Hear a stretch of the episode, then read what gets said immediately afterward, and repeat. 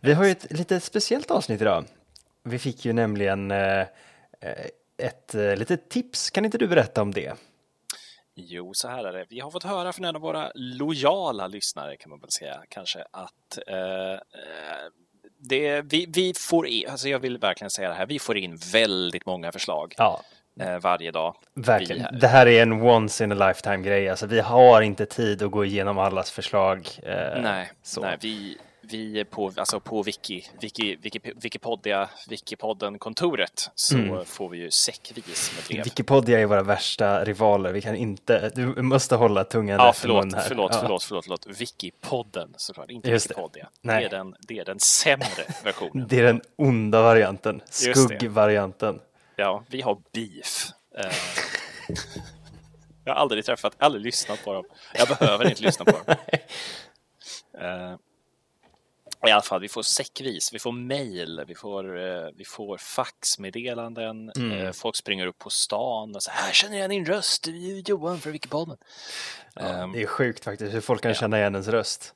Ja, det är, det, det är undligt. Det är mm. undligt det är underligt. Och sen så sa det Gud, det var någon som kom upp häromdagen och bara, fan, hade, jag har hört om din dåliga vecka, tråkigt. jag liksom, ja, vad ska man säga? Det är segt liksom.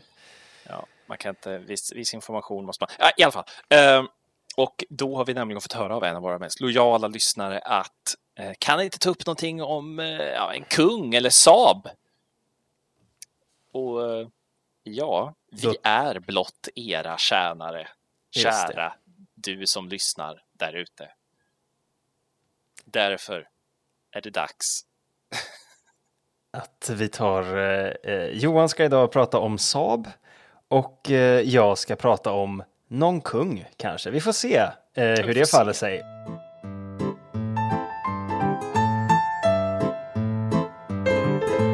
Du lyssnar på Wikipodden med Johan och Erik. Tack för att du lyssnar.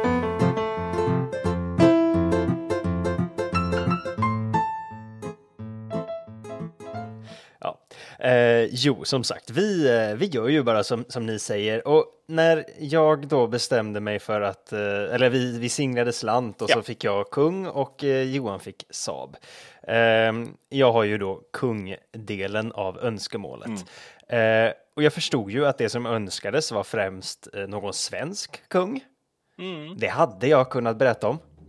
Jag hade kunnat tala om hur Vasa avdemokratiserade valet av kung, hur Kristina övergav kronan och Bernadotterättens intåg i svensk historia. Det hade jag kunnat prata om. Faktum är att jag själv har en favoritkung i svensk historia. Och, uh, va? Mm, jag har det, och så honom hade jag ju kunnat prata om. Men allt detta hade känts för futtigt. Jag har därför valt att prata om alla kungar.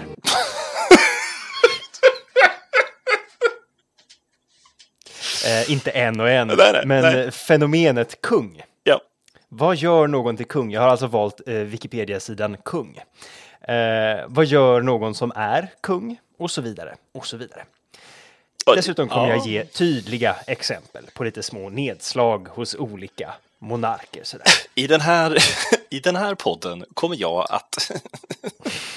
ja, nu är, nu är ni primade. Okay. Så ni kan ordentligt följa med här. Um, enligt Wikipedia, och det är ju en bra källa eftersom att det är här i Wikipodden. Såklart.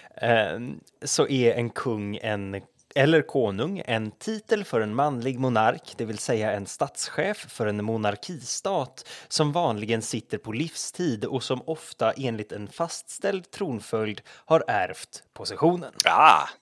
Mm -hmm. Mm -hmm. Och sen så står det att den kvinnliga motsvarigheten är drottning. Mm -hmm. Men.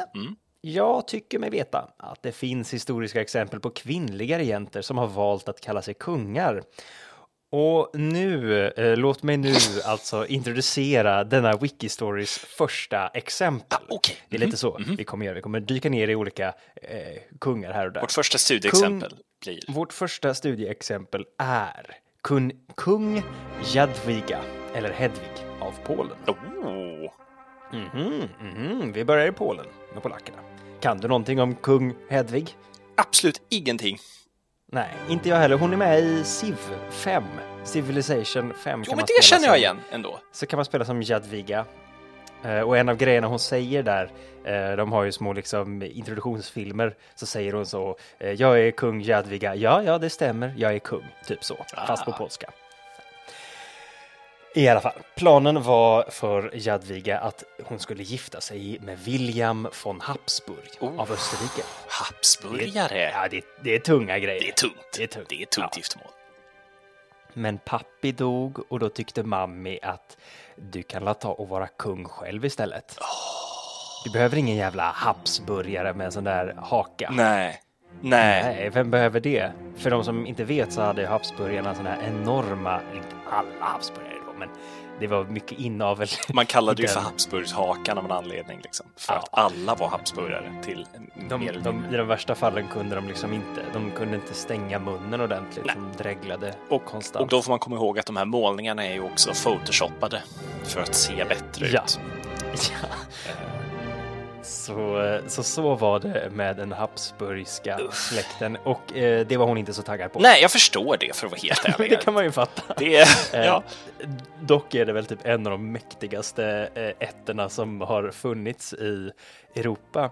Eh, jag kan- men ja, är hakan nog- är, ja. ju lite, är ju lite avskräckande så att jag, jag förstår. Vad väger man? Makt mot haka? Ja. Eh, ja, hon, sket, hon sket i William i alla fall. Ja, bra. Det blev inget med det. good on you girl. Och eh, hon, det tyckte adeln också var rimligt. De sa ja, skit i William. Jag tror att det hade varit någon beef där innan liksom. Så, eh, så Habsburgarna var liksom inte så himla populära. Populära. Nej, nej. Ehm, Något gammalt groll som lir. det var något gammalt groll, ja, precis. Eh, men hon, William blev nobbad både av henne och av adeln och eh, hon anses av historiker så här i efterhand vara en av Polens bästa regenter. Jämförbar med självaste Boleslav den förste och Kazimir den store. Nej! Jo, Det, visst! det är inga små skor att fylla. Visst. Jag har ju då, alltså jag har ju tryckt på alla länkar jag hittat i kung-artikeln. Hur många, för, för att hitta de här. Ehm, hur många tabs har du uppe? eh, just nu har jag ju då sammanställt det till ett dokument, vilket Okej. är ju skönt. Men ehm, ja, jag var inne där och försökte förstå vem Casimir den store var och sen så tänkte jag, vem bryr sig? I Wikipedias definition av en kung som jag nämnde tidigare här Mhm, så finns det ju ganska mycket svängrum, tycker du inte det? Vad en kung kan vara. Jo, men det tycker jag. Man skulle ju i teorin kunna säga att en VD är en kung. Ja, ska vi sätt. se. Kan en, kan en vd eh, passa in här? Ehm, en titel för en manlig monark, det vill säga en statschef för en monarkistat. Ah, okej, Ah, kanske mm. inte riktigt för, Ja, men jo, ja. mm. Mm. Eh, det beror på, om vi väntar tillräckligt länge in i framtiden så kommer ju säkert stater styras av företag. Det beror på om man, om man klassifierar internet som en egen, som ett egen kontinent. Då skulle ju Google absolut vara en egen stadsstat på internet. Oh, det här blir krångligt. Ja. Men om vi, om vi bortser från den biten då. Ja. Eh, vanligen sitter på livstid. Ah, och ofta enligt en fastställd tronföljd kan det ju vara faktiskt. Om det är ett... ehm, Ja, det passar in i och för sig. Det passar in. Ja, mm, det kan ju vara ett familjeföretag. ja exakt, exakt, exakt. Ja, ah, kanske inte en vd, men det finns annat svängrum här för vad en kung kan vara. De skriver till exempel vanligen sitter på livstid. Just det. Och oftast ärver tronen genom en bestämd tronföljd. Det är alltså normkungen som vi beskriver här, Just men det. vi kommer till andra eh, sorters kungar. här Jag minns ju såklart. Men vi, protokungarna i Rom, där Protokungarna? de inte hade någon eh, kronföljd överhuvudtaget. precis, precis. Oj, vänta, nu försvann du. Nej, nej, det gjorde du inte. Nej, jag är här. Det var inget. Förlåt. Jag är fortfarande här. Saabkungen är här. Det, var, det bara kändes i mitt hjärta att du försvann. Nej. Men du är här. Det var skönt. Ehm, jo, precis. Där, där var det ju lite suddigt hos romarna Ja. över det här med vem som skulle få ärva vad och så. Ehm, I alla fall, om vi börjar med den här normkungen eh, så har vi ju ett bra exempel på en sån här vanilla-monarki. mm. Det är vårt eget svenska kungahus. Nej, men vad säger du? Jo då. även idag. Vår konung heter som bekant Karl den 16 Gustav. Bernadotte. Bernadotte, ja precis. Och här kommer lite kort fakta om Knugen. Nej, nej, åh, åh, åh, åh, åh, åh! När han var 27 år blev han vår kung och har varit det i 47 år sedan dess. Eh, han, det är ju också så att hans pappa dog när han var typ fyra. Ja. Då blev han inte kung, men han, var ju, han blev ju eh, kronprins eh, riktigt tidigt. Ja, Han är gift med Silvia Sommerlath och har tre barn. Hans valspråk lyder för Sverige i tiden, vad det nu betyder. Och hans fullständiga titel är Carl Gustav Folke Hubertus, Sveriges konung, hertig av... Kan du det? Vad är han hertig av? oj, vänta nu. Västra Götaland är ju kronprinsessan. Han är Mhm. hertig av Uppland. Nej, han är hertig av Jämtland. Jämtland? Jo, ser du. Jaha, ja. Så är det. Eh, Men Sveriges monarki idag är ju inte vad den har varit. Nej, nej, fy fan. Vad, vad kallar man en sån här monarki som vi har? Ryggradslös. Eh, inte ryggradslös, inte det jag Nej. menar. Jag menar inte kastrerad heller. Nej. Vad finns, det för, vad finns det för bättre ord man kan använda? Ehm, munkavlad. Uppbunden. Ja, eh, jag söker ju då eh, Förgjord. den jag, söker den mer statsvetenskapliga titeln eh, och det vet ju du, det är en konstitutionell monarki. Kom, en, ett monument till kompromissens altare. Det var det är. En konstitutionell monarki, det är en mo- monarkistat där monarken har lagstadgat begränsad makt. Så det står i våra lagböcker att kungen får inte göra vad han vill. Sådana är vanliga numera, men förr var det precis tvärtom. Men i, teo, i, i teorin får han väl inte göra det precis vad han vill, men jag menar, vad fan. Ja, alltså, han kommer kanske inte åka fast för lika... Han skulle ju kunna göra mer grejer utan att åka fast. Definitivt. Definitivt. Men å andra sidan är han ju lite mer under lupp än du och jag. I och med att han får apanage. Ja, det är sant i och för sig. Det är väl Ja, och att han har ett mediafölje vart han än går, tänker jag. Ja, jo, det är ju sant. Men har vi inte alla det i dagens sociala media Okej, nej, nej, okej, nej, nej, Mm. nej, nej. Man kan ju säga då motsatsen till sån här munkavlad, kastrerad Ja, ja, monarki. Ja. Vad kallar vi det? Absolut monarki. Absolut monarki, Mm. där kungen har näst intill absolut makt Mm. över landet och dess folk. Endast under Gud. Mm, och eh, därigenom kanske också påven. Eh, kungens ord är lag och han behöver inte fråga någon, eller hon om det är Hedvig, Just det, just förutom Just det. möjligen påven då, om lov. Den mest kände, mest absolute monarken av dem alla, det brukar man säga, det var Gustav den Ludvig andra Adolf. 14. Nej. Ludvig den 14 Ja. av Frankrike. Nej. Solkungen. Ja. Vad fan? Han ska ju då ha yttrat de bevingade orden L'etat c'est moi. Staten är jag.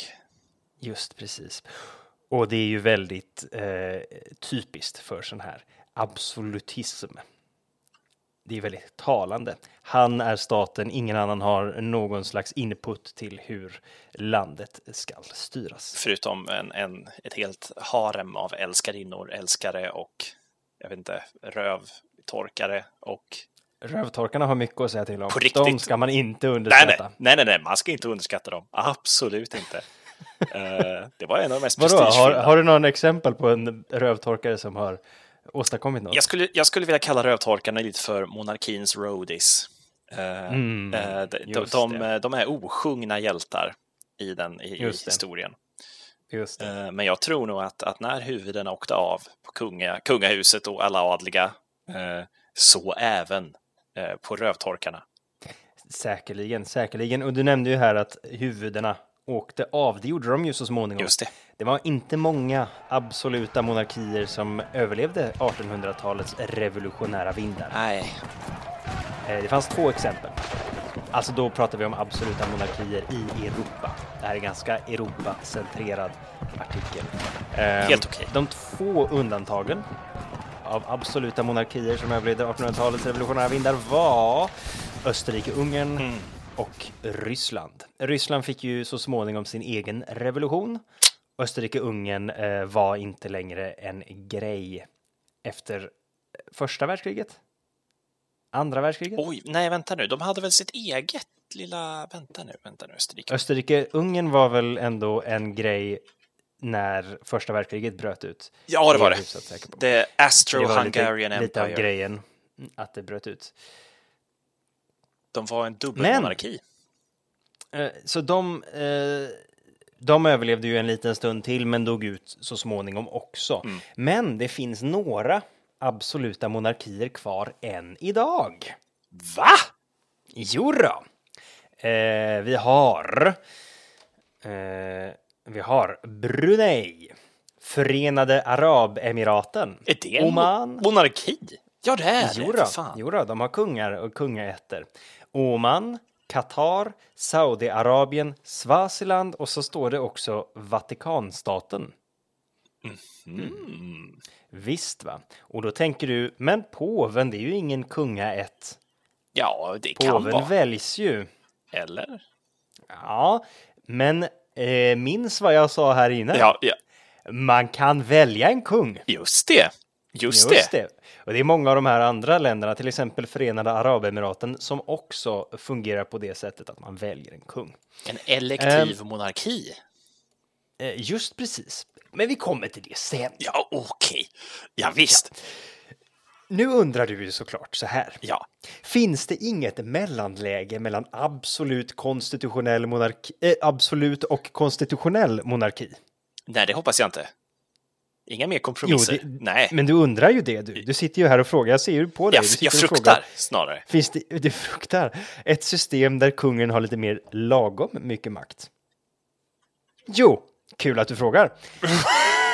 I, det står så här, jag har ju skrivit det i, i, min, i mitt dokument, så jag måste ju läsa till det förstår Ja, du såklart. Kan Ja, kan inte tumma på manus. Förlåt, vänta, kan inte vänta. tumma på manus. Vänta, förlåt, vi kan... Men finns det inte något mellanting mellan abs absolut... ab vi tar om den. Finns det inte något mellanting mellan en absolut monarki och en konstitutionell monarki, Paul? Erik? Ett system där kungen har lite mer lagom mycket makt. Vad, vad sa du? Ett system där kungen har lite mer Ett system... lagom mycket Men finns det inte ett mellanting mellan en eh, absolut monarki och en konstitutionell monarki där ett system där kungen har lagom mycket makt? Jo! Va? Kul att du frågar! Ja. Och så spontant Ja. det känns. I en så kallad feodal monarki har kungen i jämförelse mindre makt och måste tänka på att balansera viljorna hos de olika adelsmännen och eh, ni kanske minns historielektionerna när vi pratar om ståndssamhället i Sverige. Mm. Man måste se till att eh, prästerskapet är Borgare, nöjda och, bönder. och borgarna är nöjda och bönderna är nöjda och sådär. Kungen har ju såklart makt, men mm, inte så mycket. De här monarkierna kan ses som föregångare till de senare absoluta monarkerna. Och under åren lyckades kungar här och där roffa åt sig mer och mer makt. De liksom eh, lyckades utmanövrera prästerna eller borgarna eller så. Eh, och eh, tills de idag, eh, tills de blev vad man idag tänker på när man tänker på kung. En envåldshärskare. Man tänker ju sådär, speciellt liksom genom Disney-filmer så tänker man ju kung. Ja, det är ju en sån där som det är en sån där som bestämmer i ett stort slott i ett land någonstans. En, en, en lysande vägledande stjärna genom ett hav av mörker, tänker jag. det tänker Jag tänker, det. jag tänker vässade sablar med kanoneld eh, Mm, och, och mm. Lützendimma. Nej, inte Lützen, vi nämner inte Lützendimman. Um, jag tänker eh, den, den gamla goda tiden, tänker jag på. Ehm, eh, ja, nej, ja, det, det Mm. och, Nej, men visst. Men, men man, tänk, man tror ju ofta, eller sinnebilden är ju att en kung får göra vad, vad hen vill. Men, eh, men det var ju viktigt då att se till att alla var överens och glada av ett, av, när man kom med ett beslut då. Ehm, Ja, hallå? Eh, är det, är det okej om vi kunde göra så här? är det okej om jag liksom eh, tar bort riksdagen? Typ sådana eh, reformationer var ju kanske inte så populära, men skedde ju till slut. Ja. Eh, det finns ju andra saker som kan variera. Inte bara hur mycket makt en kung har. Nej, namn. Eller hur, som sagt, eh, namn, favoritfärg. Favoritfärg. ja. Absolut. Men också det här med tronföljd som vi har varit inne på. ja, ja, ja. Kungar kan ju faktiskt väljas. Och så var fallet här i Sverige innan Gustav Vasa. En skandinavisk modell av monarki. Just det. Eh, eh, men Gustav Vasa kom ju in då och införde arvsrätt. Mm. Och det gjorde ju faktiskt oss till en mindre demokratisk nation. Det är ju lätt att tänka på historien som en demokratiseringsprocess. Mm. Men eh, faktum är att den historiska trenden i Europa har var, sedan feudalismens dagar har varit åt ett mer eh, odemokratiskt håll. Mm. Det har gått mer och mer åt en centralisering av makten, absolutism. Så är det ju. Eh, men ända fram till. Och det är ju samma skit nu med EU. Ja, eller hur? Eh, ska inte- så är det ju. Jag ska inte, jag ska inte öppna den burken. Eh, Ehm, men eh, då blev du ju helt plötsligt väldigt ute och var monark. ja, jo. Ja, jag var lite ute faktiskt. Det var det. Eh, men, men man kunde då alltså välja eh, monarker. Och då var det ju såklart inte alla som fick välja. Man fick inte rösta på monark, för det skulle ju vara demokrati och det vill vi ju inte ha. fan, demokrati, de, de svettiga otvättade massorna, vad fan de, vad ska de säga till om? Vem som kan... Nej. Nej för Usch. De vet, de vet Usch. vart de är hemma, tänker jag. Ja, Oh, ack, oh, Eh. det här är lite kul. Eh, det Ja. fanns faktiskt en rörelse i USA för att välja in Washington som kung över. USA. Inte som, Eh, alltså, i slutet av hans eh, presidentmandatperiod. ja, så tyckte man liksom att ja, men det här gick ju, demokrati funkar ju skitbra, fan, han får bli kung. Eh, det, är så, det är så dumt. det är lite dumt, det är. Men det var nära, alltså i ett i alternativt universum så tror jag, så hade nog Ja. USA glidit hit på någon form av eh, konstitutionell monarki också. N- Imperium liksom. Ja, det är de, Ehm, men, men ett, ja, det är de ett, ett officiellt imperium. Mer Napoleon-liknande Ja. eh, Ja, land. Men ehm, tillbaks till valmonarkier då. ja. Det finns idag två stycken, står det i, på Wikipedia, men då står det inte den här Vatikanstaten med. Så jag vet inte riktigt. Det är ju som sagt lite oklart vad en monarki är. Lite grumligt, alltså. Vatikanstaten står med som en monarki. ja. Men det är som du säger grumligt för att de står inte med som en valmonarki. De två valmonarkier som Wikipedia erkänner. Wikipedia erkänner inte Vatikanstaten. Ehm, Wikipedia har formellt inte erkänt Palestina. ehm, det är eh, de tidigare eh, nämnda absoluta monarkin Förenade Arabemiraten. Just det. Där de landets eh, liksom hövdingar samlas och väljer ut en av dem inbördes. Liksom. Just det. som ska leda landet eh, nästa gång. Liksom. Och sen är det också Gävleborg, Malaysia. eh, förvånansvärt nog. Eh, Gävleborg. Det är en liten kommun på eh, 2000 människor ungefär eh, som har haft samma kungaätt eh, som hövding eh, väldigt länge. Och de väljer faktiskt också en liten kung. Ja, ja. Ja, Det, det är ett eget litet eh, eh, kungarike. ja. Det är väldigt få som vet. Spännande. Ja. Ja, jag hade ingen aning. Nej, inte jag heller förrän jag hittade på det för ett par minuter sedan.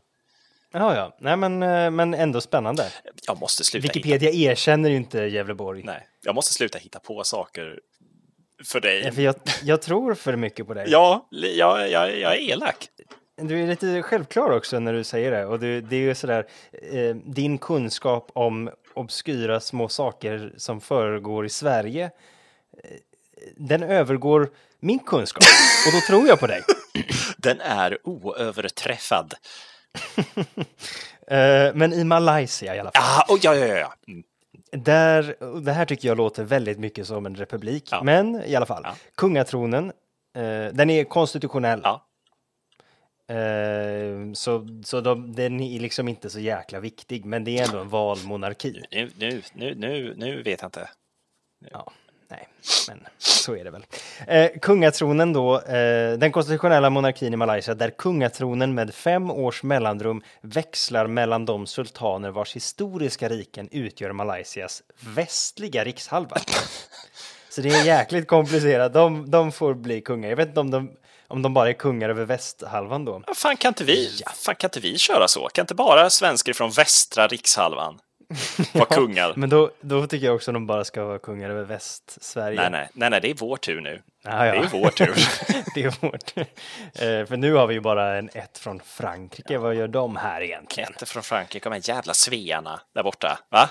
När, ska gö- när är det Götarnas tur? Va? När är det Götarnas tur att skina? Ja. Men du, vad gör någon till en kung? Med vilken rätt håller de beslutsfattande makt? Rätt med, med, utvald av Gud från födsel, Precis. såklart. Precis. Precis. Eller solen. Enligt dåtidens tänkande är de kungar av Guds nåde. Det är det uttrycket betyder, att de, eh, de har Guds godkännande Exakt. till att göra det de gör. Gud. Eh, vilket för oss fram till min favoritdel av nästan alla Wikipedia-artiklar. Etymologi. Ja, Jag trodde du skulle diskussionssidan. nej, eh, nej. Nej, nej. Etymologi. Ja, det här Nej. gillar vi. Det här gillar vi också. Kung. Kung. Vad är det för ord egentligen? Åh, vänta, är det... Åh, vänta, förlåt. Får jag... Får jag... Ja, Johan. Mm. ska betta om var ordet kung kommer ifrån. Kan det vara så att kung från... Alltså, allting börjar ju i, i Rom, känns det som. Så att det börjar Mm. som Caesar, eller Mm-hmm. Kajsar, som sen övergick i eh, Kaiser på vissa ställen, Mm-hmm. eller eh, Caesar, alltså vad fan blir det sen? Kejsare i Mm-hmm. Sverige, som, som liksom blir då... Eh, hur fan blir det? Vad, hur ska jag koppla det till kung då? Vänta nu. Det är ett K i båda. Det är ett K i båda. Eh, jag skiter i det. Nej, fuck it. Nej, Du menar att ordet Caesar förvandlades till både kejsare och kung Nej. och smög sig hit? Eh, ja, nej, det är det jag menar. Så de smög sig hit Ja. en mörk natt. Eh, Okej, eh, men då kan jag säga dig att ordet kung har sitt ursprung lika långt tillbaks i tiden som eh, Caesar själv. Nej. Eh, men inte som ordet Caesar. Utan... Ja, visst. Eh, enligt fornnordisk litteratur använder man ordet kung för att beskriva någon som var son till en gud. Men eh, det är ju lite senare än själva ursprunget till själva ordet. Ja, ja, ja. Eh, det ordets ursprung verkar vara så himla gammalt, då alltså från före vår tidräkning. Så kung är ett äldre ord än kejsare eller Caesar. Fan, och king då också i förlängningen. Ja, precis. Eh, man tror att den urgermanska formen av ordet kung var kuningas. Konungas, konung. Det ordet ska då betyda tillhör kvinnan. Jaha! Ja, visst. Alltså, det är två ord som är kona och ungeling som är sammansatta till kunningas. Fråga mig inte hur det går till, men så är det i alla fall. Etymologer är Eh. magiker. Ordmagiker. Ja, verkligen. Det står också, det står så här, eh, att eh, lingvister har rekonstruerat den urgermanska formen kunningas. Så de har liksom gått in i ett labb och hällt i vätskor i provrör och fått fram äntligen It's a kunningas. It's a match. Jag vet inte hur de har rekonstruerat det, men i alla fall, de har fått fram att antagligen var det kunningas och ordet betyder tillhör kvinnan och kvinnan i det här fallet syftar på fruktbarhetsgudinna och, eller moder jord. Ja, just det. Och den som tillhör henne ska då vara hennes präst. Kung är alltså ursprungligen en präst för en fruktbarhetsgudinna. Spännande, va? det. Så jag skulle mer, jag skulle mer satsas på midsommarstång än, Caesar? Liksom, är det Ja. ja. Precis. Du, du, gick för, eh, du gick för långt eh, söderut. Fan, ska, det- här, det här låter ju, om vi hade lagt upp det här på Youtube eller någonting, typ Visste du att en midsommarstång har mer gemensamt än kungen än Caesar? Nyfiken? Få reda på mer i Wikipod. Det, så skulle vi ha lagt upp det, ja. Ja. Verkligen. Eh, men man kan ju kalla en kung, eh, så att eh, det är lite coolt tycker jag. Fruktbarhetsgudinna präst är kung Ja. egentligen. Fan, Och kungens roll innan, i, liksom, innan vi blev kristna här var ganska mycket som präst, präst också. Tills det fick, eh, började betyda mer och mer rex, Ja, då, ja, just latinets just det. Ja, kung. Men det finns ju andra saker. Man kan kalla en manlig regent. I olika länder kallas en sådan man med samma åtagande och makt till exempel för furste, Daddy. storhertig, daddy, sultan, tsar, shah eller varför inte kejsare som du var inne på. Ja, just det! För kejsare, det är ju mycket riktigt, har ju sitt ursprung i Caesar själv. Kesar uttalades han eh, på sin gamla tid. Ja, men så är det. Det låter konstigt, eh, men så är det. Och eh, det är ju ganska allmänt känt. Men det finns ju en annan form av eh, kejsare, nämligen emperor. Det är det andra sättet att säga det. Det sägs på olika Mm, eh, ställen i Europa så säger man någon variant av emperor. Till exempel i Frankrike är det emperor och så eller kejsare eller kajsar. Precis. Imperator. Emperor. Emperor kommer från Caesars titel. Eller den, den romerska kejsarens titel som var imperator. Imperator. Medan man och andra, de, de andra då valde att gå efter hans namn. Eh, Så det är liksom en man som har gett eh, ursprung, som har varit ursprunget till två stycken former att säga kejsare på. Och vad är skillnaden mellan en kejsare och en kung? Oj, en kung... Eh, oh, en kejsare är kungarnas kung, alltså kung över flera kungar, över ett imperium. Ja, ish. Ish. Man, man tänker ju lätt att en kejsare det är en biffigare kung.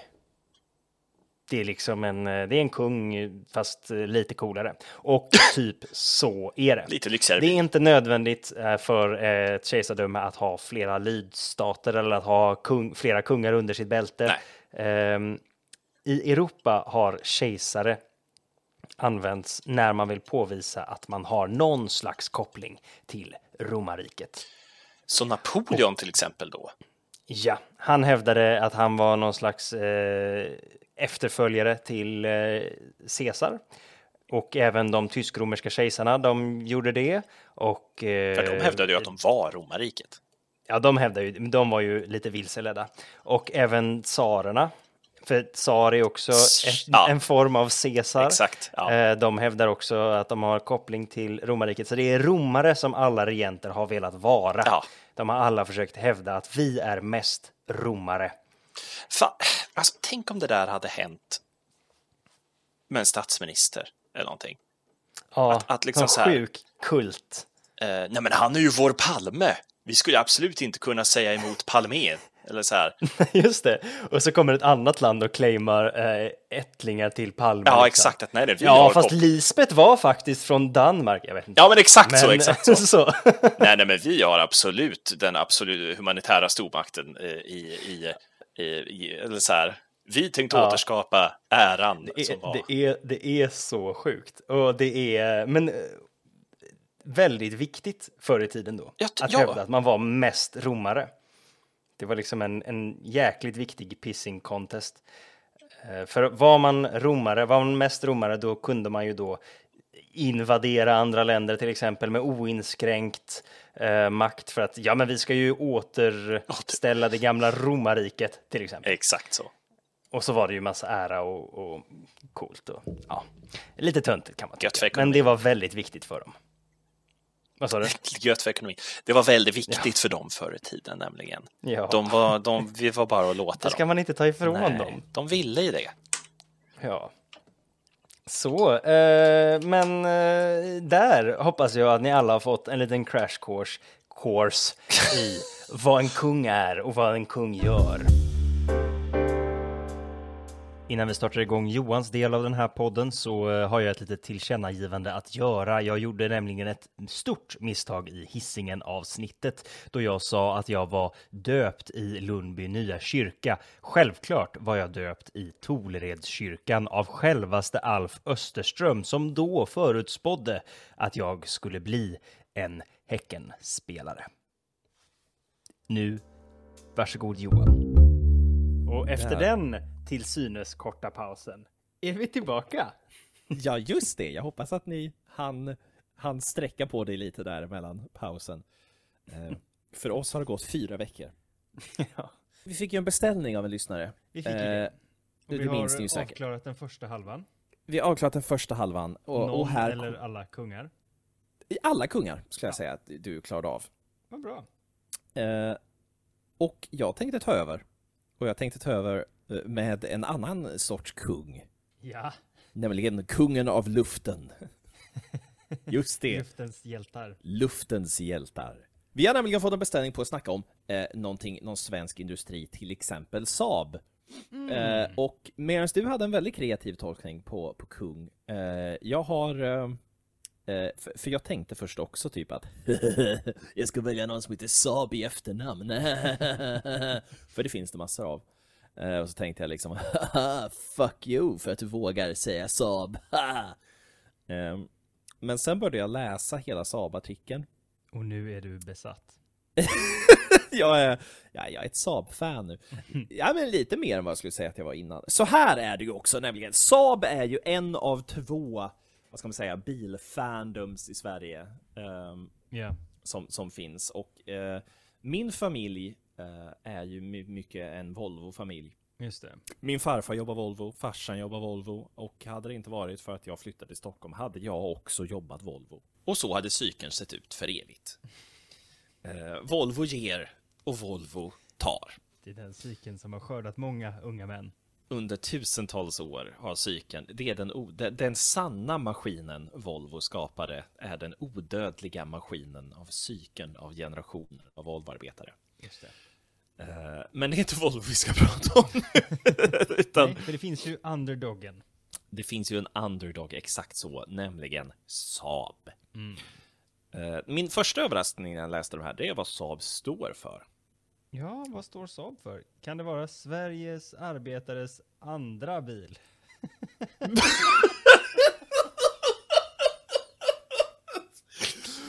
Jag slänger in det internationalen igen här. Det skulle det kunna vara. I, I en bättre värld hade det varit det. Jaha. Sveriges arbetares andra bil. Eh, lite som en ganska bra teatergrupp, till exempel. Är den, är den. Det är en ganska okej slogan. Det är en Nej, odödlig slogan. En o- ja, verkligen. Jag minns den fortfarande. Ja.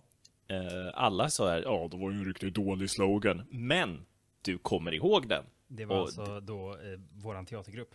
Eh, finfrämmat. Eh, min och Johan och eh, sex andra personer som var med i en teatergrupp. Och våran lilla tagline var en ganska bra teatergrupp. Det, jag har fortfarande hoodien där det står på ryggen. En ganska bra teatergrupp. Eh, jag tycker fortfarande det är en bra tagline, ska, ska vara helt ärlig. Eh, nej, det står för Svenska Aero AB. Mm, okej, Svenska de sista två Aero bokstäverna är AB. bara AB. Fan vad AB, så det är SAAB. Jaha. Ej att, för, ej att blandas ihop med SAB. Nej, just det. Som står för Svenska AB.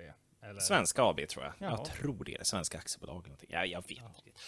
Svenska Aktiebanken. Ja, jag har ingen, okej, skit i det. Uh, Saab startade alltså, som, som det låter på namnet, från början för att göra flygplan. Ja, ja, ja. Eh, men inte vilka flygplan som helst. Nej, nej, nej. nej, nej, nej, utan flygplan till Tyskland. Jaha. Och, eh, Sverige naturligtvis. Jaha, ja, Eh, vi, vi hade varit väldigt beroende av Tyskland innan till exempel för att köpa in saker. Tyskland hade fram till första världskriget varit vår närmsta handelspartner i nästan allting. Okej. Eh, och då när, när kan man säga att Tysklands militära produktionskapacitet blev ju någorlunda begränsad. Säger du Efter- det? Ja, ja visst, det, så blev det ju. Tyvärr. Eh, kan man ju säga. Vilket betyder att... eh, När är vi nu? Är det efter första världskriget? Ja, nu är vi runt 37. Okej. 1937 grundades det. Det hade jag ju... En professionell poddare hade börjat med det. 1937! och, och syftet var att bygga flygplan för den svenska luft, luftmakten. Aha, så att vi okej. kunde försvara oss själva. Och bli lite mindre beroende av tyskarna då, eller? Ja, och för att kunna bevara våran neutralitet framförallt. Ja. Var det. Allting handlade om att bevara våran, våran neutralitet. För det hade, det hade varit... Alltså det hade ju spelat oss rätt i händerna under första världskriget. Liksom. Vi var Mm, helt det. opåverkade. Just det. Eh, Så det betyder liksom att vi, vi hade mycket industrikapacitet kvar också, till exempel. Så att vi började göra en massa flygplan. Det som var grejen här också var att Tyskland ville också ha flygplan, men Tyskland fick inte göra flygplan som var tillverkade i Tyskland, men de fick däremot köpa in plan till exempel, men de fick inte producera själva. Jaha, efter uh, Versailles? Jaha. Ja. Vad tråkig grej. Tråkig grej kan man tycka, så de får inte producera sina egna delar. Men, men, men, men, men. De smarta handelsmännen på Saab inser mm. då att... De, eh, det finns ett behov här. Det finns ett behov och det finns dessutom en liten lucka vi kan använda oss av. Så det betyder att tyskarna tillverkade sina egna flygplansdelar. Aha. Som de inte fick göra egentligen, men de tillverkade Aha. sina egna flygplansdelar. Eh, skeppade dem till Sverige. Bytte label så att det stod Saab på. Skickade tillbaka igen så att de officiellt hade blivit inköpta av ett annat företag. Aha, okej. Okay. Det var lite sneaky av både Saab och Tyskland. Ja, det var lite fuffens kan man säga. Det var mm. lite fuffens. Mm -hmm. Så vi kan ju, man kan ju i teorin säga att vi byggde mycket nazistplan. Eh, ja. Innan nazisterna kom till makten då, ska väl kanske sägas. Just det, lite hipstert. Eh, lite hipster, exakt. Vi smugglade vapen innan det var coolt. Eh, det här är inte sista gången som Saabs kommer drabbas av en smuggelskandal okay. heller för den delen. Men, men det kommer sen. Det kommer mm. sen. Och det var liksom från början då var, var deras grej. Vi sålde, vi sålde en jävla massa flygplan. Vi tillverkade massor med, med flygplan själva och var liksom, ja, ah, nice. Men eh, efter ett tag så insåg man då att det, vi, har så jävla mycket produktionskapacitet här och vi kommer inte, alltså vi har tillverkat tillräckligt med plan. Tyskarna får inte köpa in mer plan. Eh, vad ska vi göra med all vår kapacitet? Och då började man komma på då att här, vi skulle kunna göra bilar. Vi har allting som behövs för att göra bilar. Det är ah. samma saker som används, det är samma material, det är samma liksom så här. Vi, vi, gör om, vi gör om en av våra fabriker till en bilfabrik. Helt enkelt. Jaha, då, det var ju smart. Ja, det var smart faktiskt. Så då tog de en av sina en av sina fabriker i Trollhättan, tänkte de. Det, det passar jättebra. Mm. Och så byggde de då, eller började de göra bilar. Eh, och från början så fanns det en bil som hette Ursaben. okay. Alla Sabar delar en moder. Ur Saben. Som man har hittat fossiler av. Just det. Djupt nere. I, när bilarna gör sina sådana ancestry.com så Just det. alla har lite spår av den ur, ursaben. Fan, jag var 17% ursab. uh, En annan grej som också var lite häftigt med Ursaaben och de tidiga Saab-bilarna var att alla Saab-bilar var målade i militärgrön för att Sverige hade ett fruktansvärt överskott av militärgrön färg.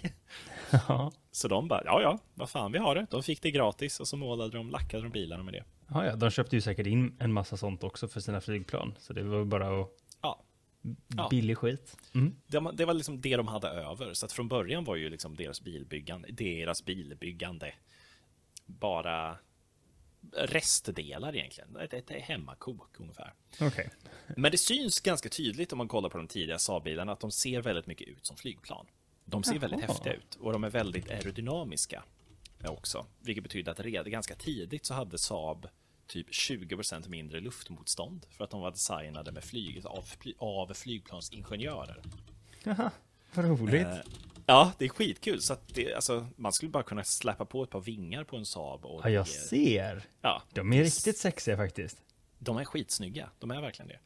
Och det skulle, de skulle liksom lätt kunna flyga, ungefär. Känns ja. det som. Ja. Eh, så det började man göra och från början då så, så som du sa, det var, det var väldigt mycket liksom en, en, en arbetarbil. Liksom. Det, var, det var en, en, en, en på, på, vad heter det, pålitlig arbetshäst ungefär. Mm. Men sen hände någonting som jag tror ingen riktigt förutsåg och det var rally. Jaha. Eh, rally blev jättepopulärt och Saab framförallt, jag för mig det var Saab 96, farfar, åkte, farfar och farmor var Saab rallyförare. Uh, är det sant? Ja. Farfar och farmor, de, de, var det så de möttes? Nej, det var inte så de möttes. Men, det hade men, varit uh, urgulligt. Det hade varit så coolt. Nej, farmor var kartläsare och farfar körde bil. Ja, nej, men så de var Saab-rallyförare då och liksom eh, väldigt tidigt så byggdes en otroligt lojal och hängiven fanbase mm -hmm. för Saab-bilar. Just, aha. Därför att Saab-bilarna var ju redan från början designade av luftfartsingenjörer. Liksom, de var ju inte bildesigners. Nej. Vilket betyder att det var väldigt många saker med Saab-bilarna som var um, okonventionella om man jämför med många andra ja, bilar. Som man kunde fastna lite för då och bli lite ja. kär i. Ja, för att ingen annan bil hade det så. Ja, men för att ingen annan hade tänkt på det till exempel. Så Saab mm. var till exempel, alltså sakerna som Saab har innoverat genom tiderna, varit ja. först med. Jag skrev upp en jävla massa grejer här. De var först med att ha vindrutetorkare på sina framlyktor. Till exempel. Jaha, på framlyktorna? Ja. Oj, det har man de ju inte längre. Nej, nej, inte längre. Men Nej. de var först med att ha det. Ja, ja. okay. De var först med att ha värmda säten. Oh, det är ju jävligt viktigt faktiskt. Ja. Det kan vi tacka Saab för. Tack Saab. De var också först med ventilerade säten, det vill säga alltså säten som andas. Mm -hmm. mycket mer och sådär. Så, alltså, de, de, har gjort väldigt mycket innovation när det kommer till så komfort och så här, tänkt utanför boxen. Väldigt mycket. Men, ja, det är skitcoolt. En, en tidig grej med Saab också var att man var tvungen att fylla på olja varje gång du tankade. Så du var tvungen att lägga till olja i rätt mängd varje gång du tankade. Ja. Det var en sån här sak som, som blev... Eh, så, inte bara att man behövde fylla på med bensin, man skulle ha olja också då? Korrekt olja också, exakt, Jaha. som man fick mäta upp. Det, det lite krångligt. Sen. Det blev lite för krångligt sen. Ja. Senare. Men ett tag där så var de liksom, de var helt, de, de, ja, helt egna kan man väl säga.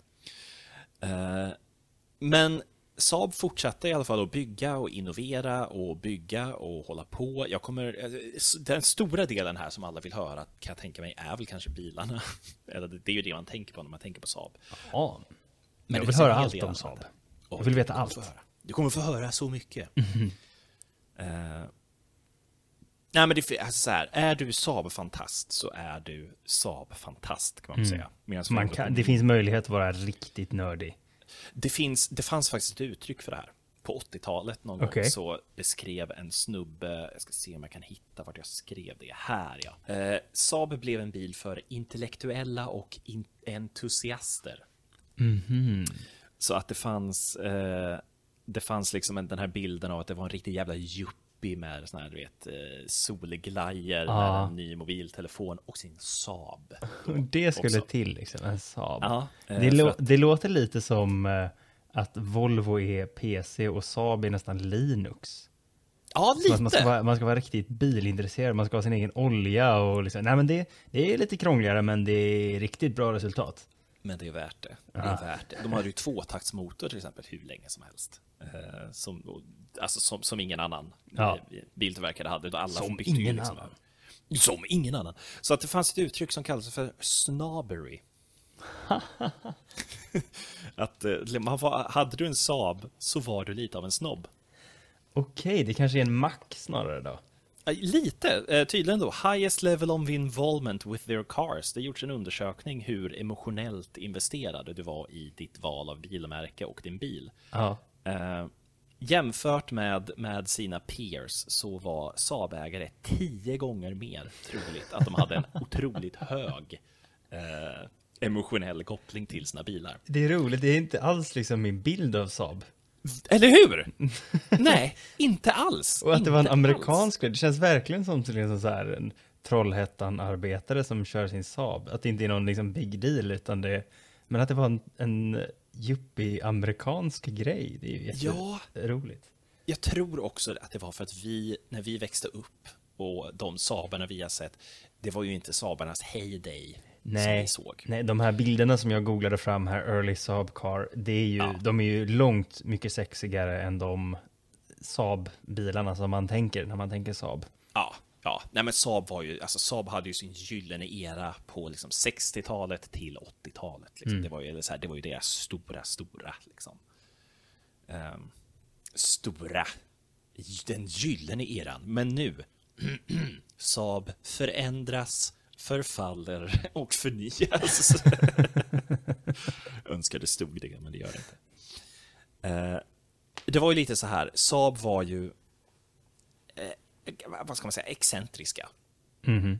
På många sätt. Eh, de hade väldigt, de, de gjorde lite vad fan de ville, Saab, Saab-designerna. De var liksom lite som, vad ska jag säga, Mac, fast utan, utan den här Ja, de försökte göra lyxbilar till exempel. De försökte göra eh, riktiga sportbilar. Eh, de försökte ju liksom, de, de, hade, de satsade på lite överallt liksom och mm. de innoverade och gjorde häftiga grejer. Men det var ingenting som riktigt slog liksom.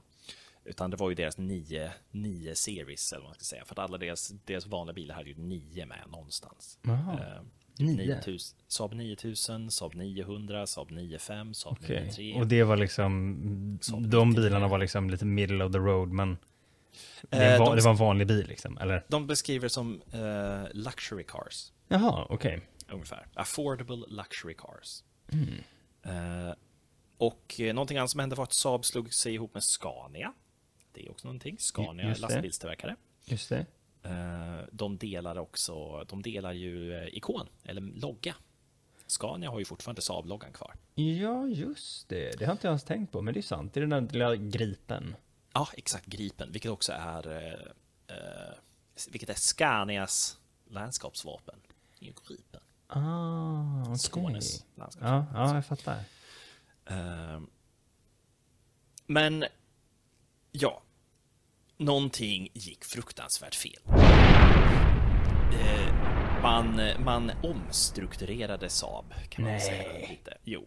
Eh, från början, alltså Saab fram till 89 var ju eh, det var ju nästan fortfarande en del av, eh, alltså det här, ah, vad heter det? Flygplanstillverkningen var fortfarande en del av samma företag. Ja.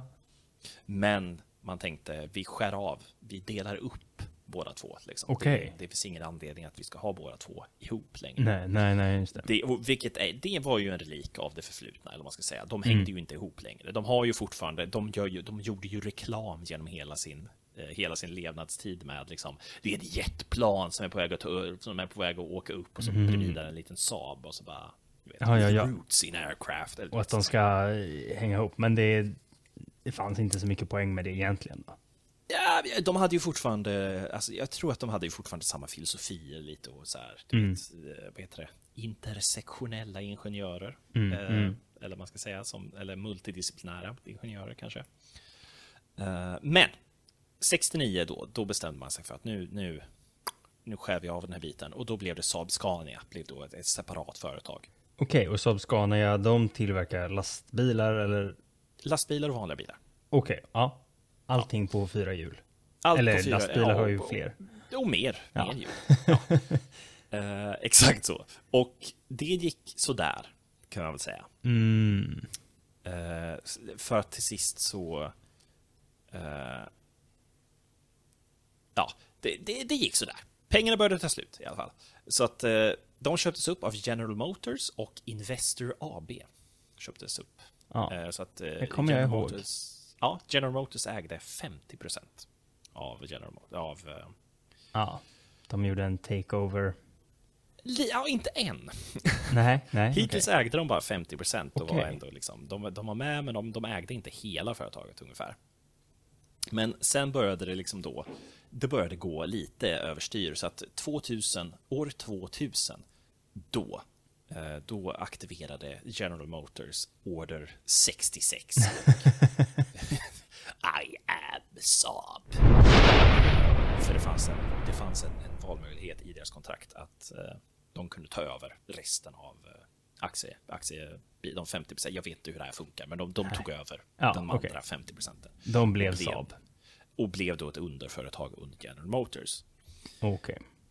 Uh, och det här kan man ju då tänka att så här, det, det, det kan ju vara en bra grej för Saab också. Ja. Uh, för att Saab var ju besatt av att producera egna saker och såna grejer. Men det är ju dyrt att köpa in andra motorer till exempel. Uh, det är dyrt att köpa in uh, ja, nu har de plötsligt tillgång till en hel arsenal av olika motorer från General Motors. De har en tillgång till en helt annan kunskap. De har tillgång till hur mycket annat som helst. Det är Just som det. wow. Det kan leda superbra. till stora grejer det här. Det här kan, ja men det är precis, det här kan, det här, det här blir skitbra liksom.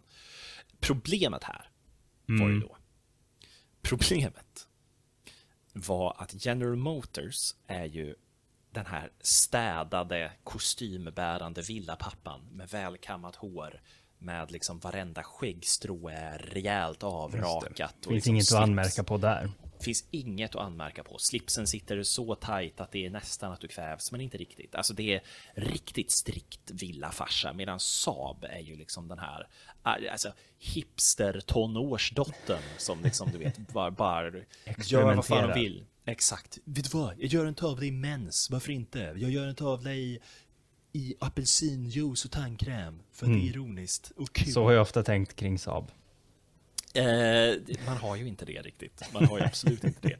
Men i jämförelse med General Motors då, så de här fritänkarna right. i mm. Saab och mm. de här liksom, nej men vi vill göra det här, vi kommer göra det här, fuck, fuck det här standardifieringen, vi kommer göra det här. Liksom. Och deras, deras designfilosofi de har haft clashade ju rätt hårt med General Motors design. Aj, aj, aj. Ja. Eh, och det betyder liksom att under deras hela, från 2000 till 2010 så producerar de ju egentligen inte någon hit riktigt. Nej. Uh, och General Motors försökte ju då liksom att reela in lite, alltså så här, nej hörni, nu, ni får bara använda våra underreden här till exempel. Mm -hmm. Och sa bara så här, ja fast det kan vi inte göra, då måste vi ju, alltså, mm. ja. Mm. Och de skulle efter, in och pilla en massa. De, de började gå in och pilla. Ja. Och de pillade ganska hårt. Ja, tråkigt. Ja, så efter tio år, då var, då var det, Saab hade inga pengar kvar. Det fanns inga pengar alls. Nej. Det var slut. Pengarna var slut. Helt borta. Och då kommer då nästa affär, vilket var egentligen den ännu mer katastrofal kanske, än vad den första var, och det är Spiker. Ja, det var köper. den, det är den jag kommer ja. ihåg. Just det. Spiker köper upp Saab och Saab är det här Och Spiker var något lyxföretag i Kina, eller hur var det? Nej, det här, liksom... nej. nej. Vi, vi, kommer dit. Okay. eh, Spiker var från Nederländerna. Ah, okej. Okay. Eh, och eh, det fanns, jag för mig att de var backade av kinesiska pengar. Mm -hmm. om jag mm -hmm. Det är vi väl alla? Det är vi ju alla, så är det ju. Mm. Men de hade joint ventures i alla fall med massa okay. kinesiska företag. De samarbetade ganska fritt ungefär. Ja. Men ja, pengarna tog slut. Pengarna började ta slut ännu mer och till sist så Saab, vid 2011 hade Saab inga pengar kvar. Nej. Spiker hade inga pengar kvar. Båda företagen kunde inte längre betala sina räkningar. Men vänta, det här skedde 2011 och de köpte dem 2010? Yes. Okej, det, var, det var snabbt. Det var snabbt. De lyckades inte vända det här, kan Nej. man säga. Så att 2011 då, det är liksom lite, lite mer än ett år senare, så hade de var så panka att de kunde inte betala räkningarna längre. Bokstavligen kunde inte betala räkningarna Oj. längre. Så deras leverantörer, det var liksom 30 av deras leverantörer vägrade leverera grejer till fabrikerna i Trollhättan till exempel.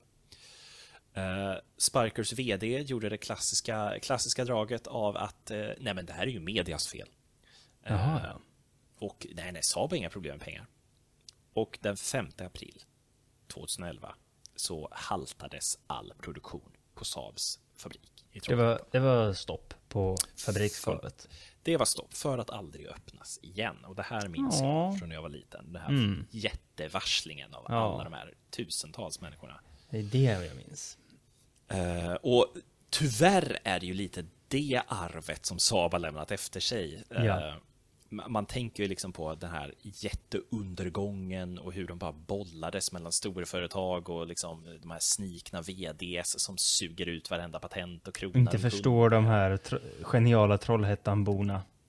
Nej, men lite så. Men, men ja, och att man också då kanske helt, helt har missat Saabs ganska storslagna förflutna ändå, där Saab ändå var och tävlade med, med liksom eh, Ja, men vilket, vilket annat bilmärke Alla de storfräsarna liksom. Ja, mm. ja, verkligen. Och på samma arena liksom. Och på många sätt bättre också eh, mm. än många andra.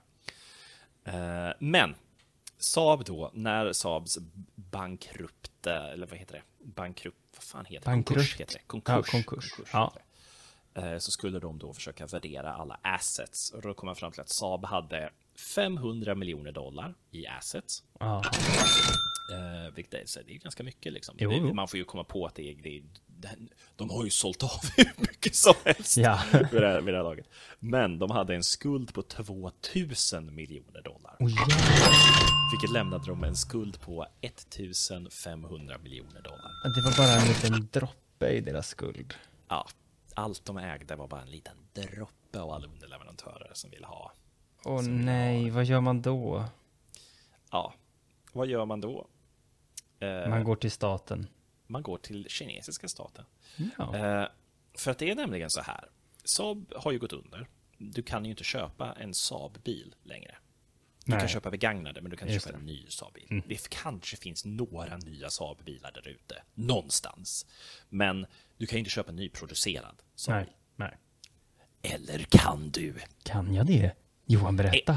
Enter National Electric Vehicle Sweden. Eh, Ett företag som heter Nevs då, köper upp resterna av Saab, den rykande ruinen av Saab. Deras skulder, typ. Ja, ja nej, men köper upp deras patent, deras Okej, design, deras ja, märke. sådana där grejer. Allt, liksom. Ja. Och deras märke, exakt så. Köper upp allt. Och Mm. börjar producera elbilar. Mhm. Eh, ja, de börjar producera elbilar eh, baserade på Saab 9-3. Men de får inte använda sig av varumärket Saab. De får inte använda sig av loggan Saab. Eh, så att de heter, jag tror de heter Nevs eller något sånt där. Eh, Okej. fortfarande. Så att den ser ut som en Saab. Det är en Saab. Men den har inte gripen på sig. Men den har inte gripen på sig, för den får inte ha gripen på sig. För att den Så då behöll- köpte de, de köpte alltså inte då varumärket, utan de köpte allt annat. De köpte allt annat, men de får inte använda Saabs trademark, för det behåller luft eller flygplansdelen. Mhm, Salix gick in och sa att nej, ni får inte använda den här. Eh, däremot så sa de ja till Scania. Scania får fortfarande använda den, till exempel. Men de tyckte att nej, nej, nej, nej, nej, det här är för långt bort ifrån original, eh, original Saab. Eh, det här Ja, jag inte- ser. Vänta, jag hittar en bild här på Nevs ja. 9-3. Ja, Och vad det är ju en roligt. Saab. Ja, det är ju verkligen en Saab. Så du, du kan köpa en Saab elbil. Det är ju inte en Saab dock. Jag, jag, jag, jag vill verkligen bara stärka. Det är ju inte en Saab. Det är Saabs formspråk och kaross, eller vad man ska säga, och grund. Men jag skulle ju inte säga att det är den här samma, du vet, gnistan som nej, nej. drevs av Saab. Eh, det var bildelen av Saab. Och det gick ju sådär. De lämnar ju efter sig ett enormt arv ändå av Mhm. briljant ingenjörskonst, men kanske inte lika briljant eh, Affärskonst. affärs, affärsmannaskap där Mm. riktigt. Eh, konstnärer som gör bilar får jag lite känslan av. eh, de, de ville inte riktigt, du vet, Sälja. sälja, nej, utan de ville göra coola grejer och bra bilar. Mm. Eh, vilket också är lite en grej tror jag varför många, många som äger en Saab är lite snobbiga. Ja, det, är ja men det förstår man ju. Ja, i alla fall, det som Saab på många sätt tror jag, i alla fall i Sverige, är mest kända för, det är ju deras jetplan. Just det. Kan Gripen. du nämna ett? Ja, precis, skulle säga, kan du nämna ett Saab jetplan? Det är ju Gripen, Ja, det är ja, Gripen man Lansen. Ja, Grip och Tunnan va? Tunnan var en av deras första, för den såg ut som en tunna. Jag älskar namnet Tunnan för det är så himla icke-hotande. Ja, Alltså militärgrejer ska ju vara sådär eh, coola och farliga, men Tunnan det är liksom... tunnan är liksom, ja, jag vet inte, medan Gripen. Ja. Men sen har vi också Lansen, Draken, Ja, ja. Viggen. För fan. Åh. Tunnan var också tydligen livsfarlig att åka i. Alltså. Den var, ja, den var tydligen inte alls bra, tunnan. Ehm, Så att, eh, ja, det är lite spännande. Nej men precis, vi har ju liksom eh, eh, en av de, fan nästan världsledande eller stridsflygplanstillverkarna i världen. Det är ju liksom Saab. Och det är ju fortfarande Saab väl? Som är... Oh. Ja, och det är fortfarande Saab. Det är fortfarande, det är samma Saab. Det här är ju original Saab, Mm. eller man ska säga. Bildelen av Saab som gick under var ju inte original Saab. Det är ju flygplanen som var original Saab. Eh, och det går bättre än någonsin. Ja, vad kul att veta. Ja, visst. Eh, men Saab gör ju inte bara eh, flygplan. Det här var nyheter för mig också. Jaha. Utan Saab har också gjort vapen. Ja, Till hurra! exempel, till exempel som en av de, och den här är en av de mest hypade grejerna i världen. Det är Carl Gustav raketgeväret. Ja, just det. Det har man ju sett. Ja, det är Saab. Som är, Det är ett Saab. Det är Saab-vapen det. Ja, vad roligt. Vad kul. eller hur? Fan vad kul! Va? Mm. Eh, men de har också gjort, de gör mycket övervakningsprodukter, till exempel som Global Eye är någonting som de har gjort. Och Global Eye undrar du, vad är det? Ja, det Jo. låter ju inte bra alltså. Det är en Multi-Role Airborne Early Warning and Control Platform. Eh, Det är alltså det är en jävla massa sensorer. Det är som en skitavancerad radar kan man säga. Okej. Eh, ungefär. Eh, de, de har liksom, de har breddat hur mycket som helst. De gör hur många saker som helst. De gör raketgevär, de gör flygplan, de gör eh, Men de är ändå in, inriktade på krigsförings... 100% försvar och krigsföring. 100%. Härligt. Eh, ja visst! Va? Ja, ja, ja. Det här gillar vi. Det gillar man väl ändå? Va? Gud ja. Verkligen. Va? Ja, ja, verkligen. Älskat. Ja, eller hur. Men det är ju här då, som sagt, det började ju ganska tidigt med att de, de smugglade lite, de smugglade ju lite kik i flygplan där. Ja, de gjorde ju det. Eh, Det, då, det var ju då det här Saab, Saab, luftfarts Saab. Och den traditionen har de stolt bevarat, eller? Eh, ja, jag nämnde ju att de gjorde radar och lite såna här saker, Ja. eller hur? Ja. Och att de gjorde, de liksom gör ju, de hade ju väldigt tidigt jetplan och såna saker. Och någonting som man behöver för att göra jetplan och radar, det är ju datorer. Ja, det är det. Ja. Och här, det här var någonting som var helt nytt för mig. Enter Datasab. Va? Datasab. Datasab, okej. Mm.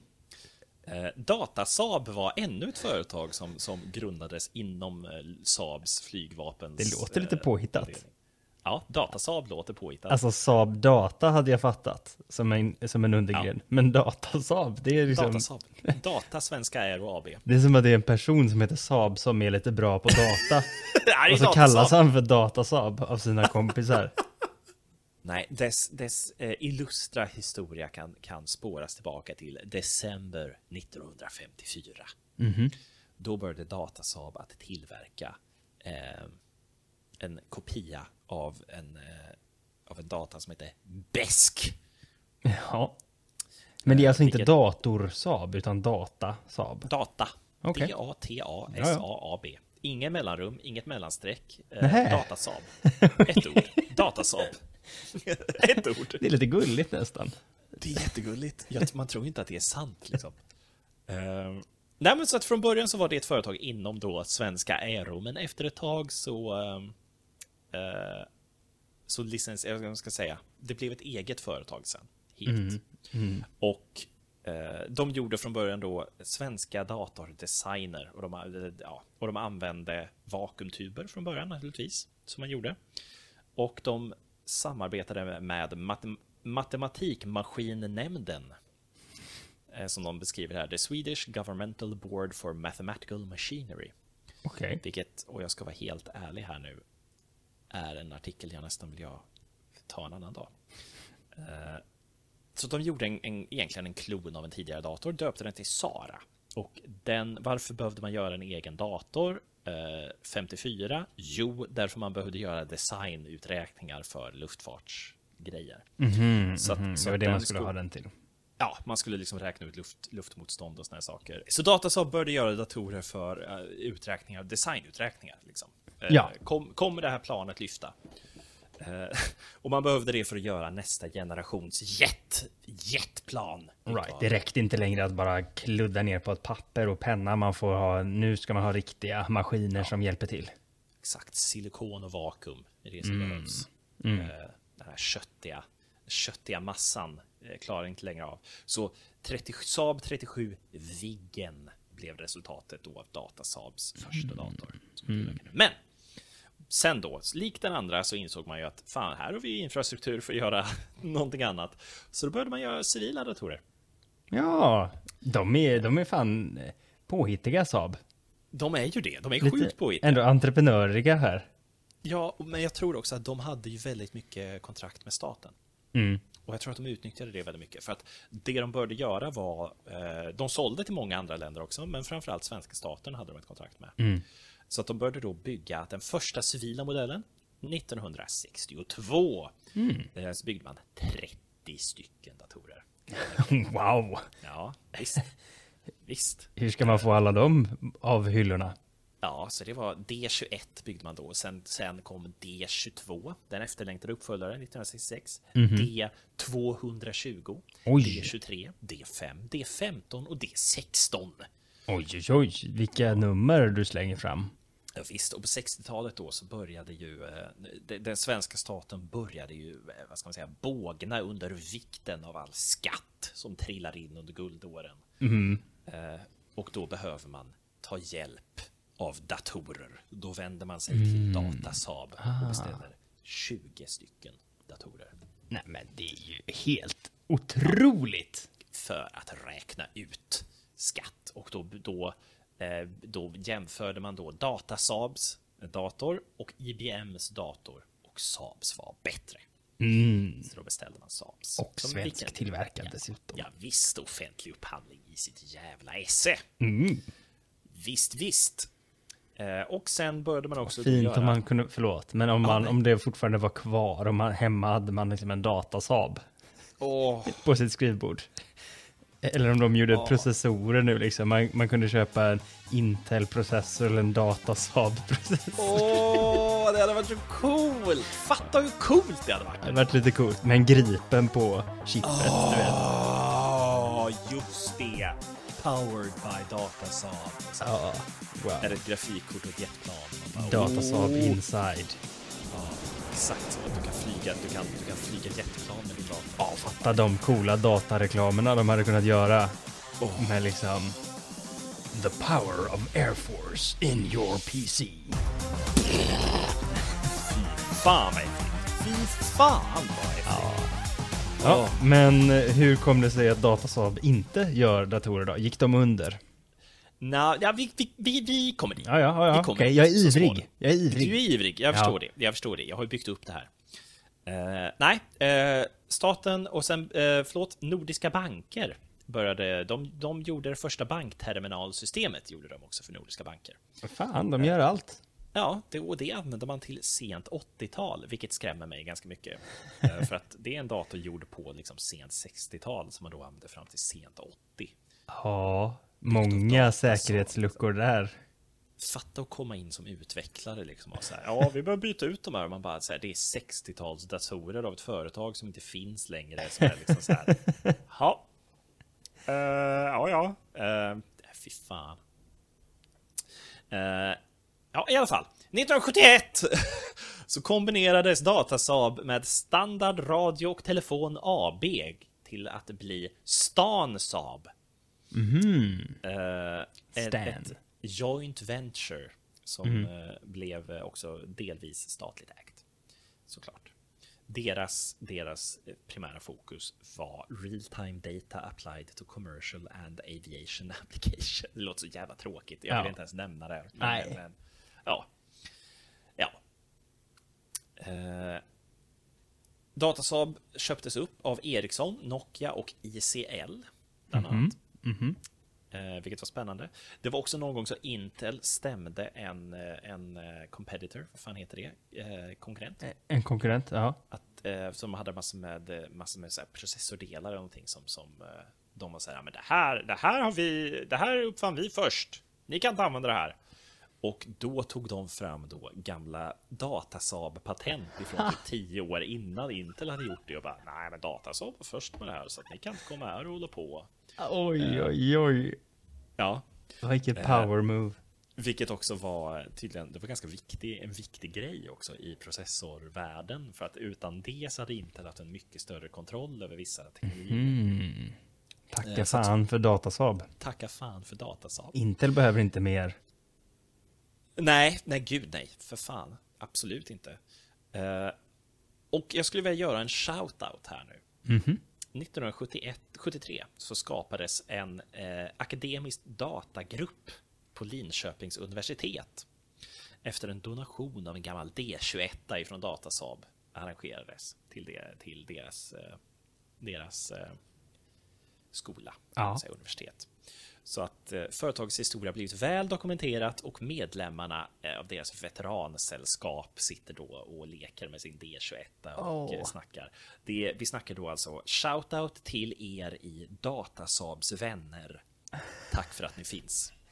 Ja, tack. fan för att ni finns. Datasaabs Grundades vänner. 1993 grundades Datasaabs vänner. 93? Ja.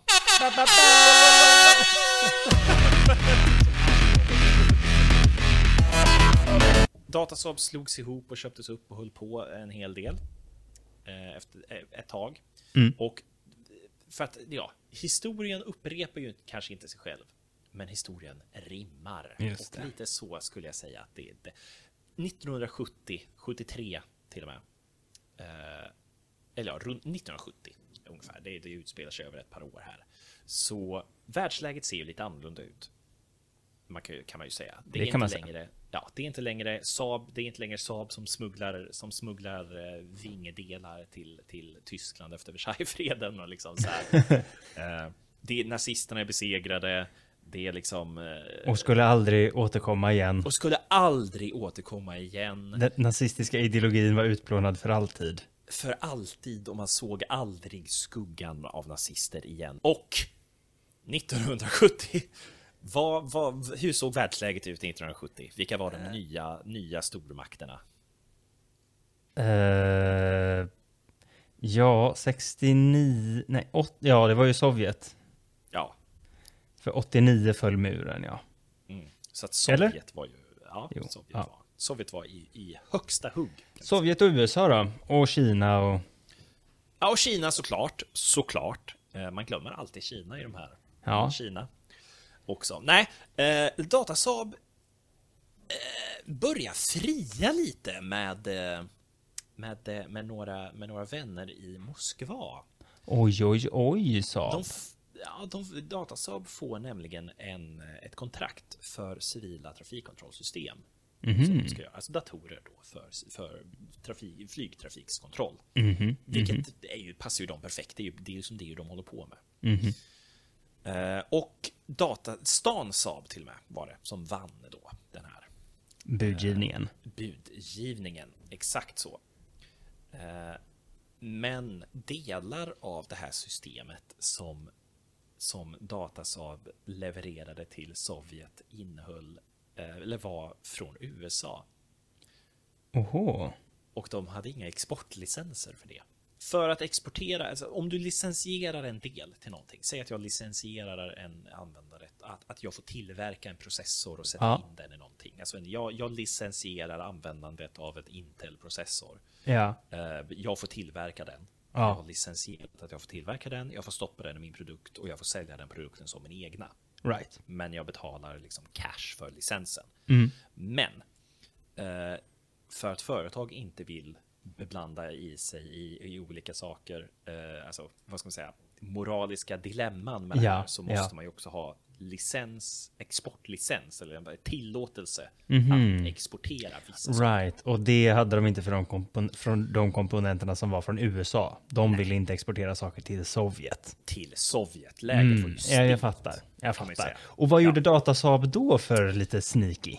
Jo, det Datasaab gjorde då, det var naturligtvis att de köpte amerikanska komponenter, eh, slängde in dem på sin fabrik, släpade på en annat klistermärke och sa det här är vår egen.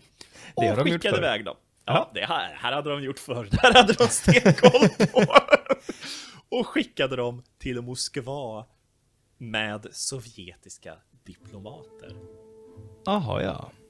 Så att tänk då, du jobbar på Datasaab och liksom så här, det kommer upp några, liksom, några gråklädda kostymmän I pälsmössa. i pälsmössa och bara liksom så här tar, tar liksom en, en den här portföljen som du har fått, fått av din chef. Som är så här, om någon frågar, har du aldrig sett den här portföljen?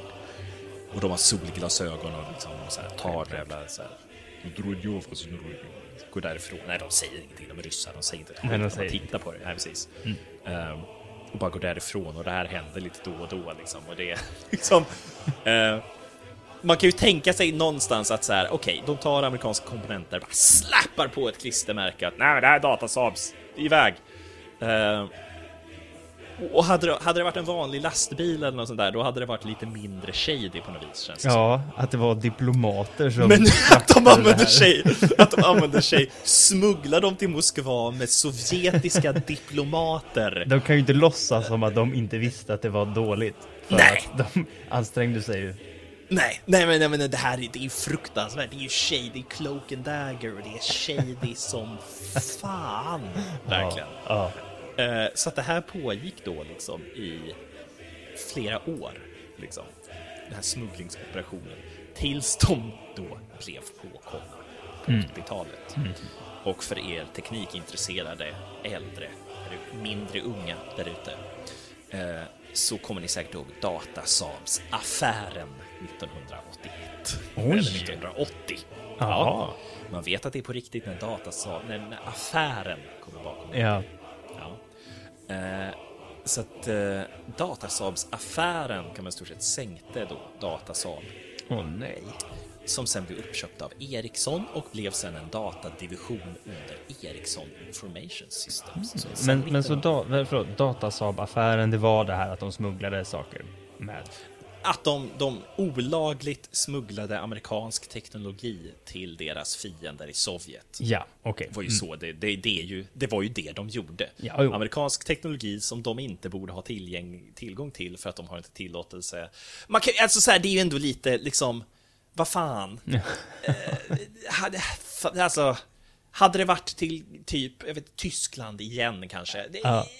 Hade, då hade de ju fått en exportlicens till att börja med, men, men ändå, det hade Ja. kanske inte... Ja. Eh, och jag har också för mig att delar av de här eh, delar av de här sakerna användes också i Sovjets invasion av Afghanistan. Eh, Ja, så att där var vi inne och petade lite. kul. Och Saab också för den delen.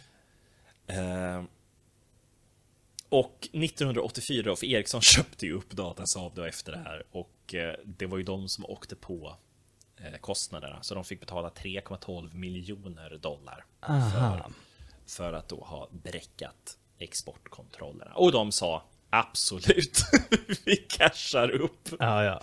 Och så var det inte mer med det. Så Datasab existerar inte som, som längre heller som, som företag. Utan Det blev en del av. Ericsson. Det blev en del av Ericsson sen, exakt. Som inte gått jättebra för heller kanske. Men... Nej.